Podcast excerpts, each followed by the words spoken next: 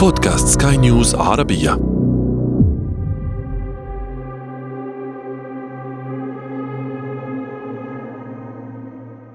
في جنوب شرق أوروبا تقع دولة صغيرة ظلت على الدوام مثار توتر في القارة العجوز. دولة حبيسة لا حدود بحرية لها. ظلت لقرون طويلة ساحة صراع بين الأعراق والديانات المختلفة. وساحة حرب بالوكالة بين القوى الأوروبية والدولية الكبرى. دولة حتى اسمها مثار خلاف. دولة تدعى كوسوفو أو كوسوفا. هذا أنا عمرو جميل أحييكم وأنتم تستمعون إلى بودكاست بداية الحكاية. بداية الحكاية. بداية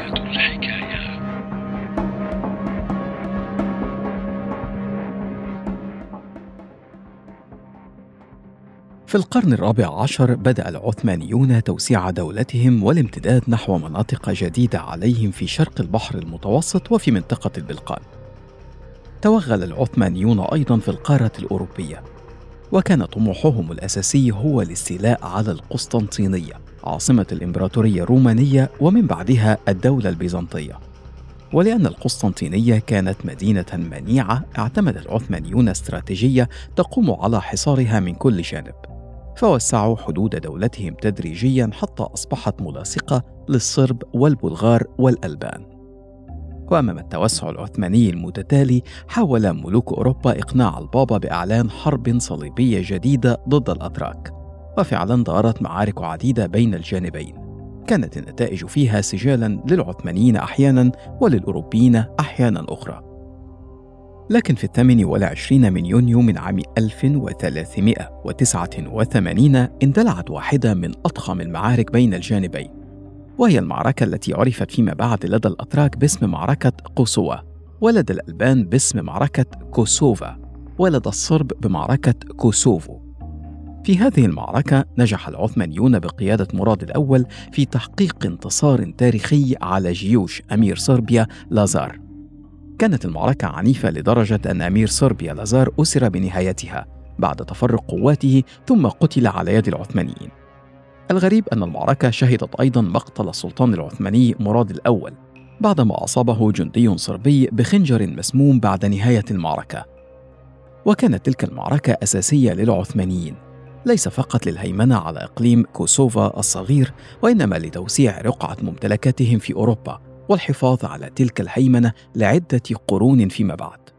حتى تحقق لهم ما أرادوه في البداية بالاستيلاء على القسطنطينية في عام 1453 ثم الوصول إلى أثينا في عام 1458 ومنها إلى صربيا بعد ذلك بعام واحد فقط.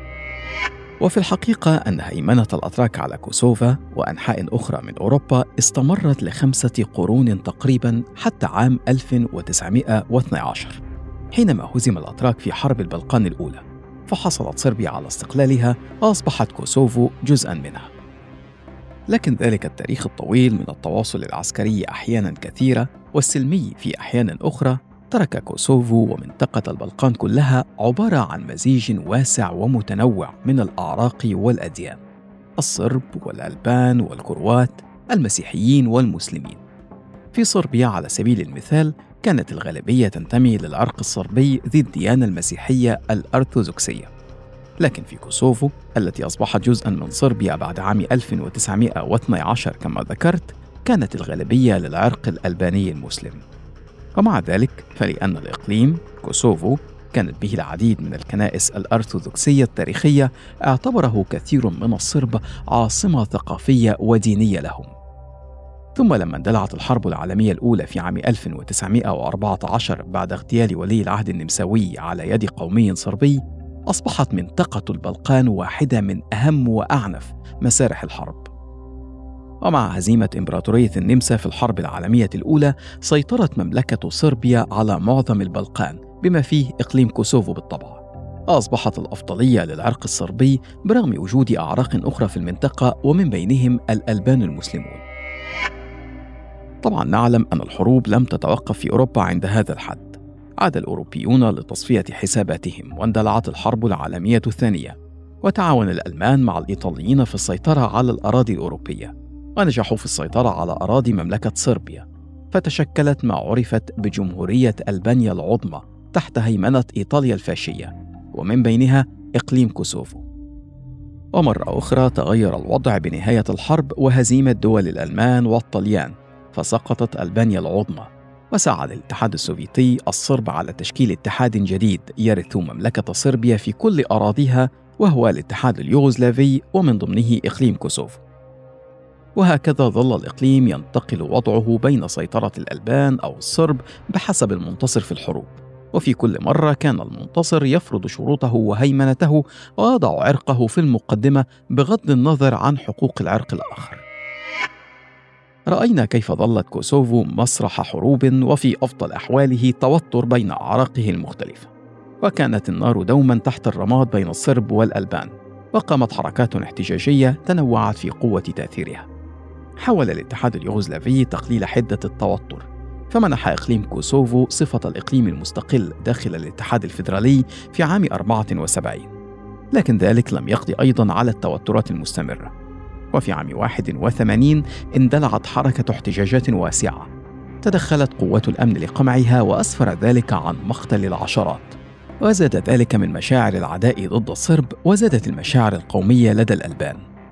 والواقع أن في ظل هذا العداء التاريخي كان من يلعب على وتر المشاعر القومية غالبا ما يحظى بشعبية لدى أبناء عرقه وهو ما حدث مع سلوبودان ميلوسوفيتش القومي الصربي المتطرف الذي نجح في الوصول إلى زعامة الحزب الشيوعي في صربيا في عام 87 باللعب على المشاعر القومية الصربية. أراد ميلوسوفيتش إلغاء كل الحقوق الفيدرالية لكوسوفو وفي عام 89 بمناسبة ذكرى مرور 600 عام على معركة كوسوفو ضد العثمانيين وجه ميلوسوفيتش خطابا استحضر فيه كل الأحداث التاريخية ما ألهب حماس ومشاعر القوميين الصرب في المقابل شعر الألبان أن لا مكان لهم مع الصرب في اتحاد واحد فأعلنوا استقلالهم عن صربيا. ورد ميلوسوفيتش باستخدام العنف وإرجاع كوسوفو بالقوة. كانت الأحداث سريعة وملتهبة خلال تلك الفترة. انهار الاتحاد السوفيتي وتسبب ذلك بزلزال سياسي بعد استقلال العديد من دوله. ولحق ذلك انهيار الاتحاد اليوغوسلافي هو الآخر واستقلال مقدونيا وسلوفينيا وكرواتيا. طبعا حاول ميلوسوفيتش منع استقلال تلك الدول وتدخل ضد مقدونيا لكنه لقي هزيمة عسكرية بعد حرب قصيرة. ثم لما حاولت البوسنة ذات الأغلبية المسلمة إعلان الاستقلال تصدى ميلوسوفيتش لها بالقوة. لتندلع واحدة من أسوأ الحروب في أوروبا وهي حرب البوسنة التي استمرت من مارس 1992 وحتى نوفمبر 1995 لم تنتهي حرب البوسنة إلا بعد تدخل الناتو عسكريا ضد صربيا ثم توقيع اتفاق دايتن الذي منح الكروات والبوسنيين دولا مستقلة عن صربيا والجبل الأسود. لكن ظلت مشكلة كوسوفو من دون حل. وأدى ذلك إلى أن يحمل ألبان كوسوفو السلاح لإجبار الصرب على منحهم الاستقلال خاصة بعد أن تصدى الصرب لكل محاولات الألبان للاستقلال أو إجراء أي انتخابات في الإقليم. بحلول عام 96 نظم الألبان أنفسهم في جيش عرف بجيش تحرير كوسوفو وبدأ في شن هجمات على معسكرات الأمن الصربية والتي ردت بحملة قمع دموية استهدفت خلالها كل القرى والمدن الألبانية في كوسوفو. وأجرت عمليات تهجير ممنهجة لتغيير ديمغرافيه الإقليم بالإضافة لعمليات اعتقال وتعذيب للآلاف من ألبان كوسوفو. مرة أخرى حاول الغرب التدخل دبلوماسيا خاصة بعد أن جيش سلوبودان ميلوسوفيتش مشاعر الصرب القومية وصعد حملته العسكرية في كوسوفو وأدى ذلك لتحويل الآلاف من ألبان كوسوفو إلى لاجئين وحدوث أزمة إنسانية في أوروبا. تدخل الناتو هذه المرة وقصف القوات الصربية في كوسوفو كما قصف معسكرات الجيش والبنية التحتية لصربيا نفسها. ما أجبر ميلوسوفيتش في النهاية على الرضوخ للناتو وسحب قواته من كوسوفو مقابل وقف ضربات الناتو كانت تكلفة الهزيمة والضربات التي تلقتها صربيا كبيرة على المستويين السياسي والاقتصادي فأدى ذلك لخسارة ميلوسوفيتش الانتخابات التالية. ثم تسليمه للمحكمة الدولية لجرائم الحرب في يوغوسلافيا السابقة.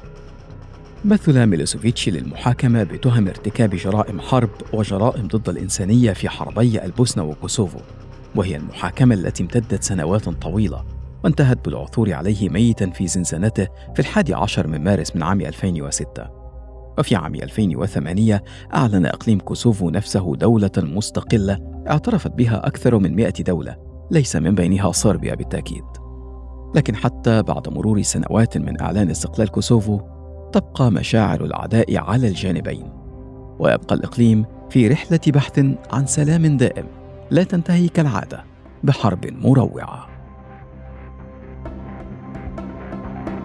بداية الحكاية. بداية الحكاية.